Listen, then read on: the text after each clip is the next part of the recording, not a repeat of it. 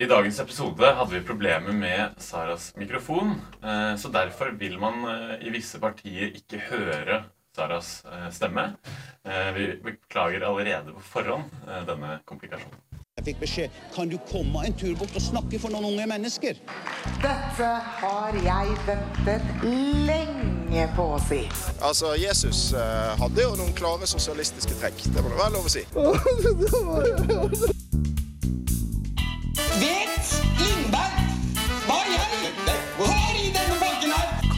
Kampen for den alminnelige stemmerett for kvinner og menn. Neste tilleggsspørsmål er fra Trygve Slagsvold Vedum. Takk for det, president. Men eh, da skal jeg gjennomføre det slaget her. Så dette blir utrolig morsomt. Hei og velkommen til Bakrommet. Du hører på det innenrikspolitiske programmet til Studentradioen i Bergen. Mitt navn er Sara Krugre Berntsen, og i studio i dag har jeg med meg Jo Skarre. Og Erlend Haukland Moe. Har dere det bra? Jeg har det veldig fint. Det ja. er jo fantastisk vær i Bergen nå, så det hjelper på humøret. Erlend? Ja, det går veldig fint med meg. Masse utetrening med barna jeg trener, så det er veldig koselig, det. Ja. Det begynner å bli en stund siden egentlig vi tre har vært i studio. Vi er jo the OG part of uh, bakrommet. Dette semesteret, i hvert fall. Uh, jo, det er jo lenge siden vi har uh, hørt fra deg. Hva er nytt? Hva er nytt? Uh, jeg har egentlig bare vært veldig opptatt med A busy man. A busy man. Sittet mye i parker, da, så det går også inn i hverdagen. Chillet mye. Men ja, det er ikke så mye som skjer i koronatider, det. Si. Nei, jeg har også vært en del på Parkpils. Erlend? Har det vært noe parkpils på deg? Eh, Foreløpig ikke, fordi jeg følger regelverket i Norge, Sara. Men det er jo lov å Nei, det er, ikke lov. Hæ? Det er lov, er det ikke det? Det er ikke lov å fylle ut det. Men det er vel en sånn uh, lov som ikke håndheves så veldig av politiet. Ja, jeg tenker akkurat nå, sol i Bergen, korona, det må være lov å kose seg litt, da. Det må da være lov. Nei, altså, jeg har ikke, jeg har ikke hatt muligheten ennå, fordi jeg har vært sinnssykt opptatt med både radio og jobb og studie. Så to busy men her i dag. busy mens. mens. Det er bra. Eh, vi skal jo snakke om eh, SV i dag. Hva tenker dere om det? Er dere klare for å snakke om eh, deres favorittparti? ja, jeg tror det blir kjempespennende. Nå er det jo landsmøte, så det er i hvert fall veldig aktuelt. Ja. Si. ja. ja. Eh, Erlend, vil du legge til noe? Ja, altså vi er jo i hvert fall ikke partiske her. Det er Nei. jo ingen her som noensinne har vurdert å stemme SV. I hvert fall ingen som er medlem i SU. Jeg er ikke det, men uh, Ingen kommentar. Ingen kommentar, ingen kommentar. Vi lar det bli med det. Eh, men ja, som du hørte, så skal vi jo da snakke om SV i dag. Eh, men først skal vi ta en liten pause. Mitt navn er Roger Wallomar, og du lytter på Bakrommet på Studentradioen i Bergen.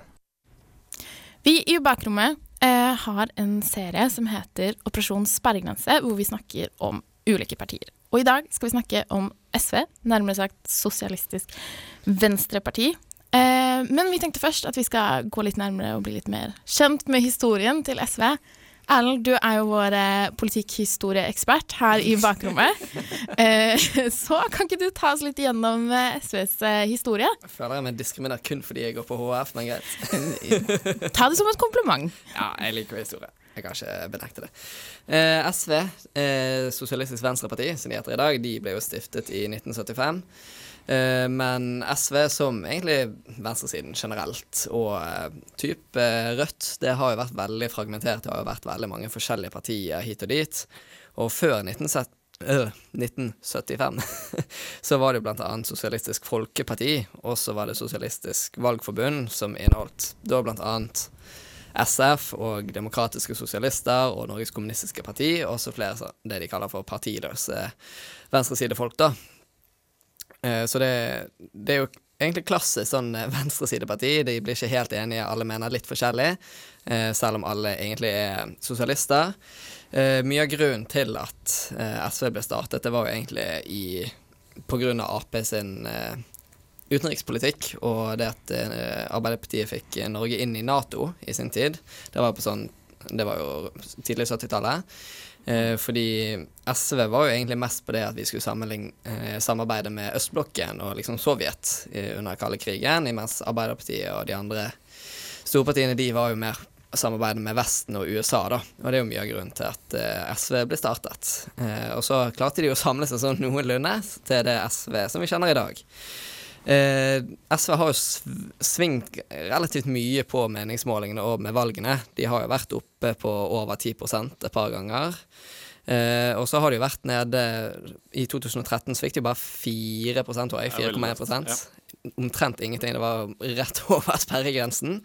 Eh, og så i dag, eh, så med sist stortingsvalg så fikk de jo 6% Det er jo litt bedre. Og så nå siste årene så har de lagt rundt sånn 7-8-9, nesten opp i 10% på meningsmålingene, da. Ja. Jeg så en måling i går hvor de var på 12% tror jeg. 7 eh, kom den i ny måling i dag tidlig. Å ja. ja. Ja, Da det, på det er jo mange forskjellige meningsmålinger. Ja, jeg så, det var her om dagen, så så jeg 12 eh, Det er jo Var det høyt. nas var ikke nasjonalt, eller? Oh, nei, nå skal jeg ikke Jeg husker ikke helt hvor kilden var fra. Jeg bare så en overskrift. Eh. Men det kom i hvert fall ut i går at eh, det vil ikke Eller mest sannsynlig, da, hvis eh, det skal bli et regjeringsskifte, så vil ikke Senterpartiet og Arbeiderpartiet kunne danne en regjering alene eh, Nei. for å få flertall. Så de er helt avhengig av SV. Så de har jo klatret seg fra 4% eller hva det var i 2013 til oppover, i hvert fall. Det er det ikke noen tvil om. Mm. Altså, no, noe jeg syns er litt gøy med SVs historie, da. Altså, de er jo de, de er jo et mye mer sosialistisk parti altså i forhold til Arbeiderpartiet, som er mer sos, eh, sosialdemokratisk. De er jo for, eh, historisk sett, og har vært for et eh, alternativt system til kapitalisme. De har vært veldig imot, egentlig, eh, atomvåpen og militarisering. Altså, de, jeg, jeg er ikke helt sikker på dette, men jeg tror de ville nesten at vi bare skulle avskaffe hele Forsvaret en gang i tiden. Eh, og de har, de har jo vært veldig sånn revolusjonære tidlig på, på 70-tallet. Og det var mye av grunnen til at eh, PS, PST, Politiets sikkerhetstjeneste, som da het eh, Overvåkningspolitiet, eller noe sånt, de overvåkte jo masse SV-politikere på 70-tallet. Eh, og altså blant annet Furre-saken og greier, der eh, Men jeg tenker du egentlig er inne på et veldig viktig nei, skill, eller sånn, en dreining da, i SV, SV var at fra s- n- eh, løs, løsrivelsen fra Arbeiderpartiet så fokuserte de mer på en Var det et slags ideologisk standpunkt mot mot Nato og, og en mer sosioøkonomisk retning mot venstre og sosialisme? Mens i dag så tenker jeg på SV som slags vinnerne av eh, utdanningssystemet. Det er akademia som stemmer på nei, Sosialistisk Venstreparti.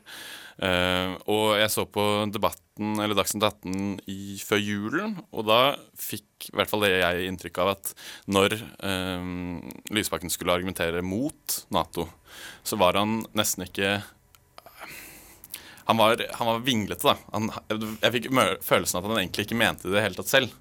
Og jeg tenker at SV må på en måte De må kanskje da ta et oppgjør med de ideologiske standpunktene de hadde da de gikk løsrev seg fra Arbeiderpartiet, og heller kanskje se på økonomisk ulikhet da, som et viktigere standpunkt i dag. Ja. Altså, det var jo sånn under Kristin Halvorsen og sånt, og typ eh, slutten av 80-tallet. Da gikk det jo egentlig fra å være litt sånn eh, skal vi si litt sånn rød, rødt eh, revolusjonært, og ble mye mer eh, reformparti, da. Eh, og det er jo egentlig en av de hovedforskjellene mellom Rødt og SV i dag, det er jo egentlig skillet mellom at SV er jo mye mer for og liksom, de, de er keen på å være i regjering. De er keen på liksom å få gjennom gjennomslag eh, gjennom eh, kompromisser, da. Imens Rødt, eh, de Nei, fuck det. det gidder ikke, vi sitter på utsiden. Eh, og altså, for veldig mange, tror jeg, altså SV og Rødt, de drar jo veldig mange av de samme velgerne. Og det, er mye av det som skiller eh, ke- eller hvem som går til kor, det er jo egentlig den maktforståelsen. da. Altså Skal man sitte i regjering og gå i SV-fellen, holdt jeg på å si, svelge mange kameler, men også få gjennom et par store saker, da.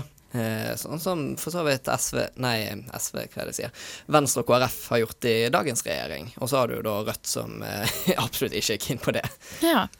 Det var en eh, liten kort eh, historietime om eh, SV fra oss. Eh, vi er tilbake om et lite minutt. Hei, jeg heter Tobias Strandskog, og hver fredag hører jeg selvfølgelig på Bakrommet. Vi i bakrommet er tilbake.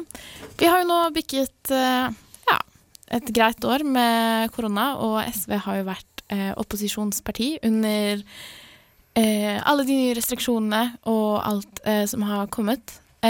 Jo, hvordan tenker du at SV har på en måte utspilt seg som et opposisjonsparti eh, under korona og alle reglene som har kommet?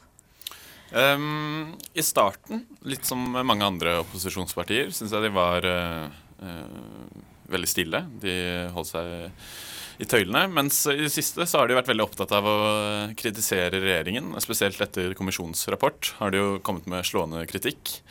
Um, det ble jo spurt uh, på Politisk kvarter i går hva alternativet deres hadde vært hvis de hadde sittet i regjering, om de hadde egentlig kommet med noen midler. og ja, jeg vet ikke. Jeg, jeg syns kanskje den kritikken fra SV har vært litt hard i forhold til det alternativet ja. det hadde vært hvis de hadde sittet i regjering selv. Eh, blant annet i det forrige partiprogrammet deres fra 2020 så sto det ikke et eneste ord om pandemi. Det sto om terror, det sto om andre kriser som kunne oppstå, men ingenting om pandemi. Så av den grunn så tror jeg egentlig at uh, de har uh, de har nytt godt av å være i opposisjon siden uh, Det ikke er dem, dem, selv som har måttet ta ja, alle valgene? Ja, og så har jo korona vist hvor mye økonomisk ulikhet, uh, eller ulikhet, en sånn krise påfører. Så um, ja, det blir spennende å se. Men uh, jeg vet ikke om Erlend har noe mer å si om det. Altså, jeg er jo helt enig i at i starten så gjorde de jo egentlig som de skulle. Altså, De mm. skulle ikke sette noen stopper for pakkene fordi ting måtte skje fort. Eh, og så syns jeg de har vært, som du sier, egentlig ganske gode til å kritisere ja. regjeringen. Altså blant annet eh, Det jeg har bitt meg merke er jo dette her med eh, Høyre ville jo ikke kreve at bedrifter som fikk støtte, ikke kunne ta ut utbytte. Noe som Altså, jeg syns det er helt åpenbart at det burde de ikke. Og så sier vi Høyre ja, vi kan jo stole på de, selvfølgelig. Det hadde jo vært det beste hvis vi kunne stole på de, men det har jo vist at det kunne vi ikke. Det er jo et par bedrifter som har tatt uh, nesten like mye utbytte som de fikk i støtte. Uh, og det er jo egentlig på sin plass at de har kritisert regjeringen for at regjeringen har vært utrolig naive på ja. enkelte ting. Og de har jo gitt veldig mye av støtten har jo gått til de aller største selskapene i Norge. Og veldig lite har jo gått til små og mellomstore bedrifter. Som egentlig er de som trenger mest penger, og de som eh, tåler minst tap. Så du tror egentlig at sånn med krisepakker og sånn, så hadde vi sett stor forskjell om SV var regjering eller hadde litt mer makt da enn det de har det, i dag? Altså, det er jo selvfølgelig bare spekulasjon. Det er jo umulig å si noe sikkert om. Men eh, jeg liker i hvert fall å tro at, eh, de, at dette ikke bare er noe de sier. At hvis de hadde vært i posisjon, så hadde de faktisk gjort noe. Eh, og i hvert fall, altså som Jo sier, så det var jo jeg, jeg, tror egentlig ingen i Norge var forberedt på en pandemi, selv om vi har blitt advart ganske lenge nå. Eh, men eh, det er jo umulig å si hvordan man hadde reagert i en krise, da. Altså, jeg tror egentlig ingen var for, godt forberedt. Men jeg syns jo de har vært veldig flinke til å delta i debatter. Eh, de har vært veldig mye i media og kritisert regjeringen, i motsetning til andre partier. Ja, fordi det tenker jeg at de har vært veldig synlige, og ja. på en måte Selv om man kanskje ikke alltid har en stemme, uh, så har de jo i hvert fall uh, Um, hører du? Ingenting? Jeg tror vi hører deg, Ellen. Ja, eh, det er, min, eh, det er, min, mikrofon som eh, hopper ut og inn, men jeg tror vi hører dere. Ja, Beklager. Men eh, Det går bra. Men ja, at SV har vært eh, synlig. Dette er ikke bra. Bare fortsett du, Sara. Ja. vi, ta, vi, får ta det i klippen. Vi får ta det i klippen. Vi tar det i klippen. Har du noe dere vil legge til, siden vi hører dere best? eh, nei, altså En ting jeg kan si, da, det er jo at eh, Jeg kom jo litt inn på det i sted, med at eh, jeg syns eh, SV er blitt, det er blitt litt voksent, på en måte. Ja. Altså at uh, det er ikke så mye sånn uh, eh, ungdomsorganisasjon. 'Å, nå er vi sur på disse', og oh. kapitalistene, og fy på de', liksom. Altså, det er faktisk legitim kritikk, og det er ikke bare 'å ja, dette er et problem', det er faktisk 'å, her er faktisk en løsning'. I stedet for å gjøre dette, så burde vi gjøre dette.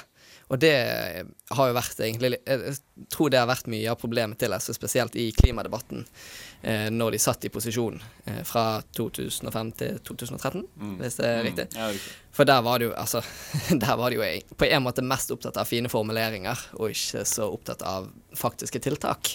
Ok, Så hvis vi skal oppsummere på en måte SV under korona, så er det synlige og kritiske. Kan det være to ord? Eh at de har vært synlige og kritiske? Ja, det syns jeg absolutt. Ja. Vi er straks tilbake her i bakrommet etter en liten pause. Mitt navn er Audun Lysbakken. Nå lytter du til Bakrommet på Studentradioen i Bergen. Der hørte dere Audun Lysbakken, som er partileder for eh, SV, som er det partiet vi snakker om i dag. Eh, hjertesakene til eh, SV i dag er jo et rettferdig Norge og et rettferdig grønt skifte. Eh, dere i studio, tenker dere at eh, SV er et grønt parti i dag? Altså, SV har jo historisk sett vært liksom miljøparti i Norge, og så uh, de, Det har jo egentlig vært en veldig upopulær sak blant alle andre partier, så de har jo ikke fått gjennom noe som helst omtrent. Mm. Uh, og det gjorde jo egentlig med at altså når MDG ble stiftet og faktisk fikk oppslutning, at de mistet litt sånn tilhørighet til den saken. Men samtidig så uh, Dette her med rettferdig grønt skifte, det har jo SV vært kjempe opptatt av. Altså at eh, klimakamp det er også klassekamp. Ja. Det er jo også eh, Agenda, som vi hadde intervju med i 2019, tror jeg. De er jo Tankesmien på venstresiden de er jo kjempeopptatt av rettferdig grønt skifte. Og det at eh, mye av grunnen, som vi så egentlig under koronapandemien, at altså, når det kommer en krise, så er det som oftest de som er svakest, som blir rammet hardest. Og det ser du med klimakrisen òg. At vi i Norge, vi merker jo egentlig ganske lite. Altså det regner litt mer i Bergen. Ja. Foreløpig så er det det. Mens i uh, andre land rundt ekvator, typ, eh, eller egentlig bare den uh, sørlige he hemisfæren. litt usikker på hva det er på norsk. Eh, der er jo masse øyer som holder på å gå til helvete, fordi det er altså havet stiger. Ja. Eh, ja. ja. Nei, fordi når jeg hører SV, så er det ikke sånn jeg tenker med en gang miljø og på en måte det grønne skiftet, selv om de er på en måte det eneste rød-grønne partiet vi har i Norge i dag. Men fortsatt så tenker jeg mer sånn velferd, eh, gjerne privatisering, eller altså ikke privatisering, da, selvfølgelig, men eh, de debattene. Men ja, at eh, de de sakene er på en måte hånd i hånd, da. Ja, jeg tenker jo i hvert fall at Forrige gang så sviktet de jo egentlig ganske greit eh, på miljøspørsmålene. De, eh, det, altså det ble åpnet bl.a. 15 uh, oljefelt eh, ja. under deres regjeringstid. Eh, så de klarte ikke på en måte å få gjennomslag, og det viste jo også resultatene på meningsmålingene eh, til slutt.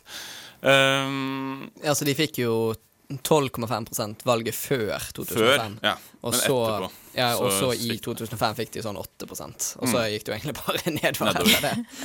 uh, men jeg tenker jo, i hvert fall hvis de da skal gå inn i regjering uh, til høsten, og det er viktig å uh, påpeke her at det skal bli et valg for medlemmene, så hvis eller det mm. forslaget skal sendes til medlemmene, så de skal stemme for det om de vil gå inn i regjering.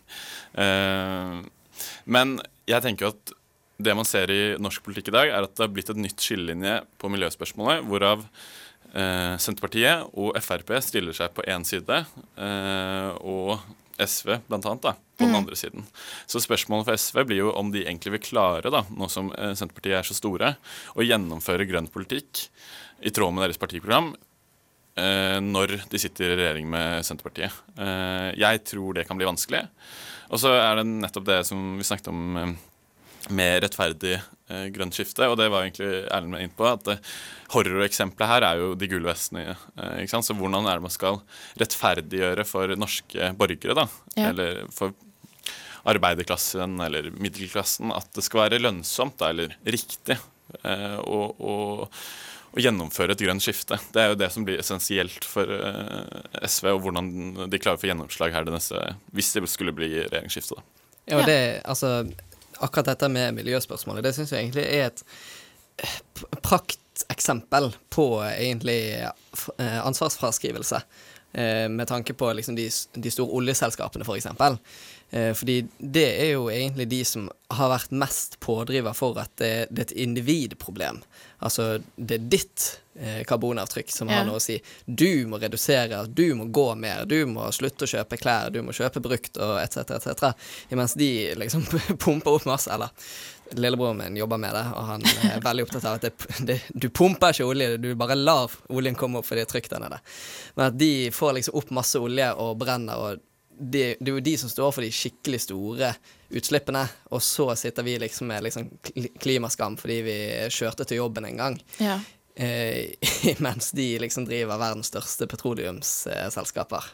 Ja. Det blir spennende å se. Um, SV har jo landsmøte til helgen, så da får vi jo se hva som blir på en måte det største på agendaen, og hva de kommer til å fokusere på fremover.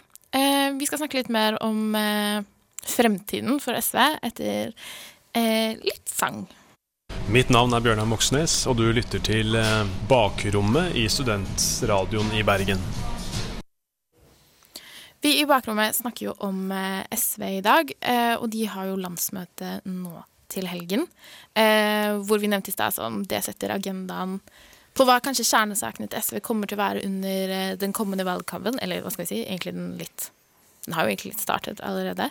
Men eh, Er ikke det evig valgkamp, egentlig? Kanskje. Dem demokrati er jo en prosess. Demokratiet lever sin gang. Men eh, eh, Hva var det jeg skulle si nå? Nå ble jeg så opptatt av demokratiet. Nei, men eh, vi har jo snakket om at det er valgkamp. Eh, jo, tror du eh, SV er et regjeringsparti i eh, september? Hvis eh, Audun Lysbakken får sin vilje, så ja.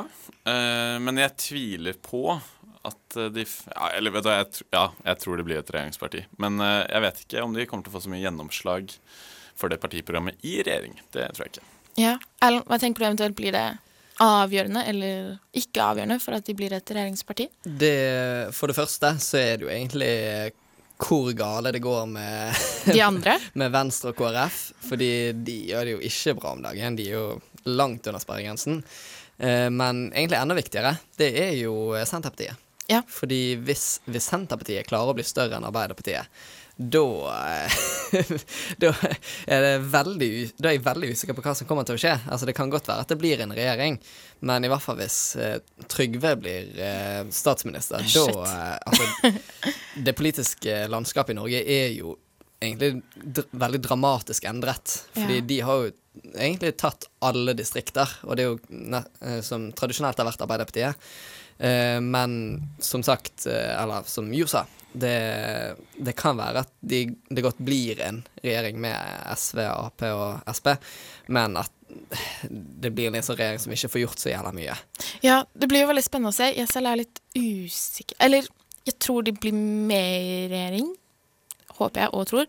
Men eh, jeg tror tiden fremover kommer til å ha veldig mye å si. Eller hva ordskiftet blir nå, på hvor mye oppslutning de får, men også på en måte hvilke kampsaker og kommer til å være det de eh, trumfer eh, igjennom på, da. Ja, altså, Som med de fleste valg, så er det jo som oftest én eller noen få mm. saker som får veldig masse medieoppmerksomhet. Eh, beste eksempelet var jo sist da det var kommune- og fylkestingsvalg med bompenger. Av alle ting. Eh, og alt ettersom hva som blir liksom den store saken i eh, type eh, seinsommeren og tidlig høst, det tror jeg har en del å si. Fordi hvis eh, SV og til dels Arbeiderpartiet klarer liksom å få satt Forskjells-Norge på agendaen, eh, og ikke typ sånn som Frp gjerne vil, at det er innvandrere og sånn som er problemet. Eh, eller at det ikke er lov med pils i park, kanskje. Ja.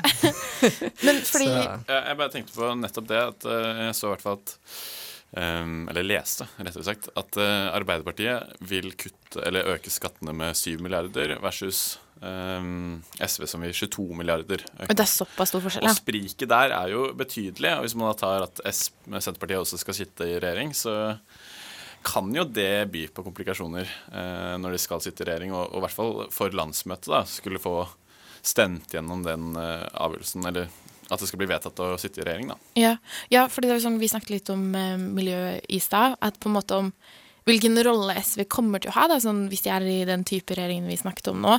At de på en måte blir den der miljøvaktbikkja, som liksom Det blir den saken de eh, trumfer gjennom, eh, med tanke på at ja, det skattelette og sånn blir et kompromiss, men naturligvis kommer de på en måte til å tape det kompromisset hvis de er den med minst oppslutning da, i Ja, altså regjering. Det, dette her med altså, å, øke og senke skatter og sånt, det, det, SV er jo på en måte i den litt vanskelige posisjonen der. Fordi jeg, jeg vil tro at det er veldig mye lettere å senke skatter og få folk med på det i Ja. forhold til å øke skatter. Og det ser du jo egentlig i altså eksempel USA. Fordi eh, Trump sen- sen, senket jo veldig masse skatter på forskjellige ting. Men og Joe Biden skal jo da gjøre det, gjøre det om igjen, sånn som det var under Mhm. Obama. Men veldig mange av de går det liksom ikke helt opp til der Obama var. At det er liksom en sånn En mellom, Ja, altså, dårlig det- mellomting, altså, det er liksom et hjul som er Altså, det går liksom bare én retning. At det, det er veldig vanskelig å få det til å gå andre veien og øke skatten igjen. Ja. Men det er, jo, det er jo det som blir spennende å se om de går i SV-fellen igjen. Eller om de SV-fellen? Ja. Ja, det, det, er, det er litt sånn kjip, eh, kjip ting å ha på seg, da. Men eh, nei, kanskje, kanskje det kan bli KrF-fellen eller Venstre-fellen en Ja, men når jeg tenker på um, Vi er jo en studentradio og SV mot studenter. Eh, det er jo ofte høy oppslutning blant eh, studenter på SV. Eller Ja, er ikke det eh, nest mest populære partiet blant studenter i Norge? Norge? jeg tror det. Um, og um, SV skal jo, sier de da, eh, øke um, lånekassepengene til uh, 1,5 G, tror jeg det er, som er uh, 70 000 kroner, så er jeg i hvert fall i okay, ja. Nei, i dag. Ja, som ja, tilsier 1,5 G. Men tenker dere at på en måte SV er et Eller i fremtiden da, er det et parti for unge folk? Altså, de brander seg i hvert fall som det. Ja. Altså, de, de har jo egentlig prøvd å ha veldig mye tilhørighet holdt jeg på å si, til eh, skolepolitikk. Det har jo vært veldig viktig for dem. Og de vil jo blant annet nå eh, De har i hvert fall sagt at de skal gå inn for gratis SFO. Eh, og gratis tannlege òg, for så vidt. Ja. Eh, og så muligens no, Var det noe skolemat eller skolefrukt de også ville ha? Ja. Eller, eller var det ga Det var kanskje Gammel. forrige gang. Men jeg tenker uansett at det Eller sånn for meg selv, da. Sånn mm, slutten av studietid, ny jobb. Eh, at nå er det ganske lenge til, håper jeg, at eh, jeg skal bry meg om eh, privatisering av SFO eller ikke. At på en måte de velferdssakene de går hardt inn på, da, kanskje ikke egentlig er så relevant for uh, studenter, bare mer det ideologiske. Jeg syns i hvert fall uh, Tilbake til, egentlig, til det Erlend sa om å øke skattene. Så tror jeg det kan bli vanskelig, uh, sett i et litt sånn større perspektiv, om Ja. at den tanken, eller den uh, nyliberalistiske tanken, eller trickle down economics, da, som handler om at hvis du senker skattene, så vil uh, det bli mer produktivitet, og det pengene som de rike får, vil dryppe ned på de fattige. Ja. Eh, og det har jo egentlig blitt bevist at det er ikke egentlig en realitet. Og, og den eh, tankegangen må vi egentlig endre. Jeg tror at den tankegangen kan være ganske vanskelig å endre, og er grunnen til at å øke skattene ikke vil være populært selv i dag. Eh, så ja, jeg vet ikke hva du tenker om det. Eh, jeg, jeg husker ikke helt hva han heter, men det er en sørkoreansk samfunnsøkonom. Han har jo skrevet bok om egentlig Det er egentlig bare en kritikk av nyliberalismen, da. Fordi hans poeng det er jo at det, det blir veldig fort en debatt mellom eh, kapitalisme og ikke-kapitalisme, eller sosialisme eller kommunisme, eller noe sånt. Men kapitalisme kan jo være så mangt. Ja. Altså Kapitalismen siden den kom på typ 1800-tallet, den har jo forandret seg kjempemasse. Eh, og liksom ideen om at jo fri, et friere marked det betyr et friere folk, den er jo helt Den er jo litt merkelig, syns jeg. Altså, vi sluttet jo med barnearbeid. Vi gjorde jo det ulovlig, selv om markedet sånn sett var friere da. Eh, men som du sier, hvis, hvis man på en måte får bukt med den ideen om at nyliberalisme er liksom det rette, og privatisering er det rette, og senke skatter er det rette, det har veldig mye å si for SV, tror jeg. Ja, også En kritikk mot venstresiden, i hvert fall etter 80-tallet og høyrebølgen, var jo at de ikke evnet da, Eller de sa seg på en måte enig med flere av de tankene til eh, økonomene eh, Hayek og Friedman og, flere andre økonomer som hadde en sånn nyliberalistisk tankegang. Eh, og de derfor solgte flere f.eks. statlige bedrifter. Mens jeg så i hvert fall på Dagsnytt 18 i går, selv om dette er Arbeiderpartiet, men ikke SV, men så er det veldig viktig for venstresiden i seg selv. Så um, har de nå lyst til å kjøpe opp selskaper igjen. Og det tenker jeg er en dreining mot da de tradisjonelle tankene eh, på venstresiden, så jeg tror kan gjøre det enklere å øke skattene. Vi Ja. får se. Om eh, SV får eh, øke skattene eller ikke, eh, får vi vite i september om de kommer i eh, regjering eller ikke. Eh, vi på bakrommet tar en liten pause, og så er vi straks tilbake. Mitt navn er Peter Frølik, og du lytter til Bakrommet på Studentradioen i Bergen. Vi i bakrommet har i dag snakket om SV, som er en del av vår Operasjon sperregrense. Og i Operasjon sperregrense har vi også alltid eh, swag-faktor, hvor vi rater eh, partiene etter eh, hvor swag de er. Eh, og så boomer jeg er, så har jeg da gått inn på ung.no for å finne en definisjon på swag. Fordi vi sier jo alltid «Å, men hva er hva er egentlig swag. Så jeg har funnet en definisjon, og swag kan forklares med oppførsel, måten du kler deg på, eller liksom stilen din, da. Så med bakgrunn Så nå er vi på sånn femte definisjon. Men eh, det var dagens definisjon. Så ut ifra dagens definisjon, jo, eh, terningkast og begrunnelse på swag-faktor for SV. Jeg gir de en uh, firer. Jeg syns eh, at uh, de voksne politikerne, hvis vi skal starte der, Ja. kan være litt eh, Litt kjedelige. Litt gamle raddiser som uh, Er ikke gamle raddis kult? Ja, det, på, det blir litt sånn eh, pute-TV, syns jeg noen ganger. Når de skal prøve å være litt kule, så må jeg bare se litt bort. Eh, men derimot, jeg, er, eh, jeg kan røpe at jeg er med i Sosialistisk Ungdom eh, i Oslo, og der legges ut mye morsomme memes. Eh, så jeg syns at eh, det er mye godt der, men eh, de voksne har noe å hente inn på. Eller hente seg inn på. Ja, så fire. Så en firer. Ja, Erlend? Eh, nei, altså Instagram-brukeren til selve partiet SV Den er jo som alle de andre jævla kjedelig, og det er jo egentlig bare Å, se hvor flinke vi er. Eh, mens eh, som du sier, altså jeg, Det er ingen i SV jeg tenker på sånn, sånn skikkelig kule, egentlig. Men altså, Audun Lysbakken jeg syns han virker så utrolig koselig. Jeg syns han er så sutrete. Nei, hæ? Ja, jeg synes han er så sutrete. Hva synes Altså, mitt bilde av uh, Audun Lysbakken er økonomisk ulikhet. Og han er sånn økonomisk, Nå skal vi snakke om økonomi Med sånn bergenskjell. Ikke prøv på Og så blir han så Jeg skal ikke prøve meg. Men jeg syns han er så sutrete. Men uh, det er det kan, min være mening. fordi, det kan være fordi Han har jo litt sånn spesiell stemme, da. Det kan være litt det. Ja, det er. Jeg tror det er, jeg tror det er dialekten, egentlig. Ja, nå er jeg vant til det. Nå føler jeg meg outet. Nå føler jeg må forsvare han kun basert på Bergen. Nei, men altså, Noe av det jeg syns er litt koselig med han, det er at han, han legger hele tiden ut bilder av hunden sin. For han har sånn jeg, Åh, jeg har tror han det- søt hund? Jeg tror det er en greyhound, Oh. som er veldig, veldig søt. Og så jeg føler litt sånn halvveis med på um, den podkasten hans, uh, Lysbakken og Lahlum. Og det, jeg syns ofte det så, det er så vittig der at Aune Lysbakken prøver av og til å være litt morsom, og så merker du at Lahlum gir han ikke noe svensk respons, og det er så vittig å høre på. Og jeg lurer på om de liksom gjør det med vilje nå, men jeg er litt usikker. Men uh, nei, altså jeg er, enig, jeg er jo enig i at det er jo ikke så veldig mye sånn kjempekule politikere, men jeg, jeg syns de er veldig hyggelige. Jeg syns at. SV er oppe og nikker liksom, kontra de andre partiene. Ja, hva, hva tenker du om det? Eh, Jeg er liksom tosidig, for jeg tenker på SU, så er jeg sånn OK, de går med jeansjakke, de har piercing i nesa. Eh, Masse buttons. Masse buttons. Kordfløyel. Eh. Kordfløyel. Vi har tote bag. Gjerne litt sånn russete hår. Eh, sidebangs. Ja, men sånn Litt sånn HF, kanskje?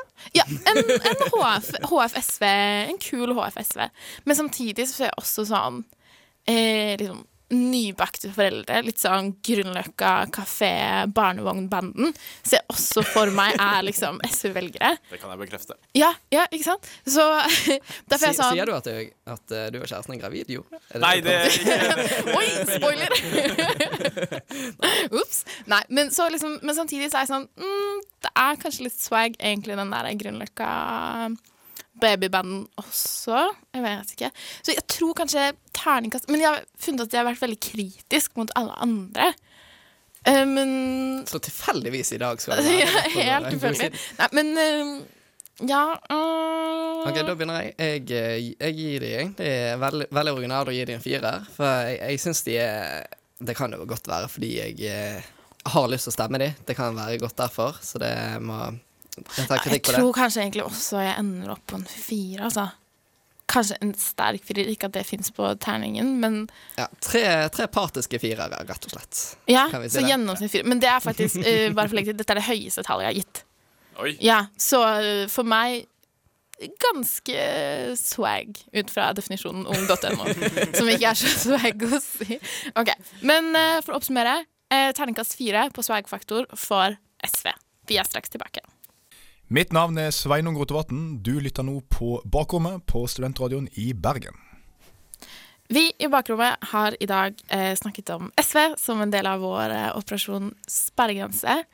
Eh, men nå er det jo snart helg. Jeg hadde egentlig tenkt å spørre dere hva dere skal i helgen, men det er korona, så jeg tenker at dere skal sikkert ikke noe gøy.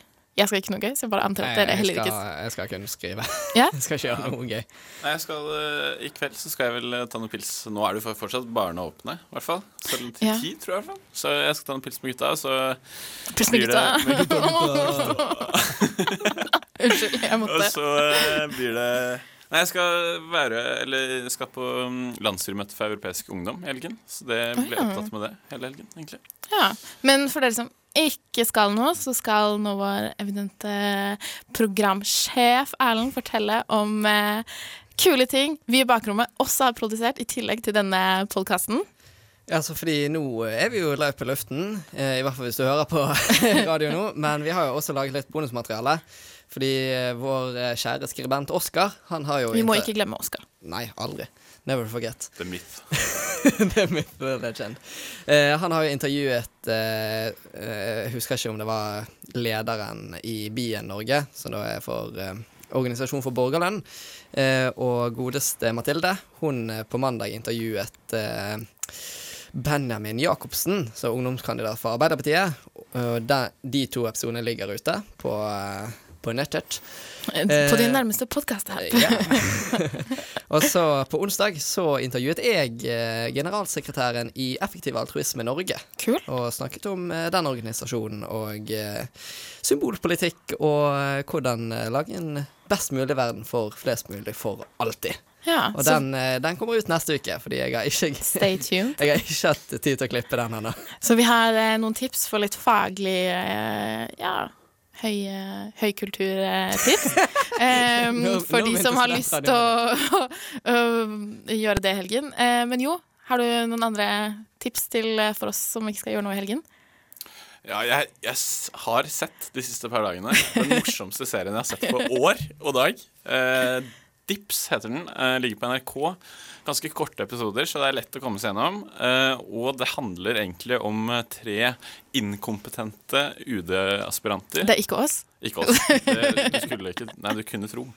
Men eh, Og den er bare helt fantastisk. Eh, så det kan jeg virkelig anbefale hvis du har lyst til å kose deg. Ja, så masse tips fra bakrommet i gjengen i dag. Er det noe mer dere har lyst til å Hva skal du i helgen, Sara? Uh, ingenting. Jeg skal, se, jeg skal høre på Bakrommet podkast. Jeg skal se på Dips Nei, jeg har faktisk sett eh, alt av Dips selv. Anbefales. Uh, nei, eh, lage noe digg mat. Kanskje noe rødt i glasset. Nei, ikke det. jeg tulla egentlig ikke. Nå, blir du 30 år eldre. Herregud. Jeg tulla, men også. Jeg tulla. Jeg tulla. Egentlig ikke. Men eh, nei, eh, ikke noen eh, spennende planer. Kanskje en parkpils, da. Selv om det ikke er lov. Men skal det bli så varmt i helgen? da? Trodde det skulle bli litt kjølig. Nei, men det er jo lov å kle på seg, da. Bare det er sol i Bergen, så sitter vi ute og tar utepils. Ja, jeg Det- tror jeg ikke går nok. for bikini i parken, men eh, jakke og teppe i parken. Det er jo koselig, det òg. Det høres Ja. koselig ut. Tenne engangsgrill. Ja, er det lov? PPP. Pølser, pils og park. Jeg, trodde, jeg, jeg, jeg gidder ikke å si, eh, jeg gidder ikke å si den uh, Du lot den siste P-en henge litt for lenge, uh, så jeg dropper å si hva jeg tenkte på der. Men uh, vi i Bakrommet ønsker alle som hører på, en god helg. Vi er tilbake neste uke. eh, og håper dere har lært noe nytt om SV i dag, kanskje. Hvem vet. Men vi snakkes, og ha det fint, og god helg. Hei da.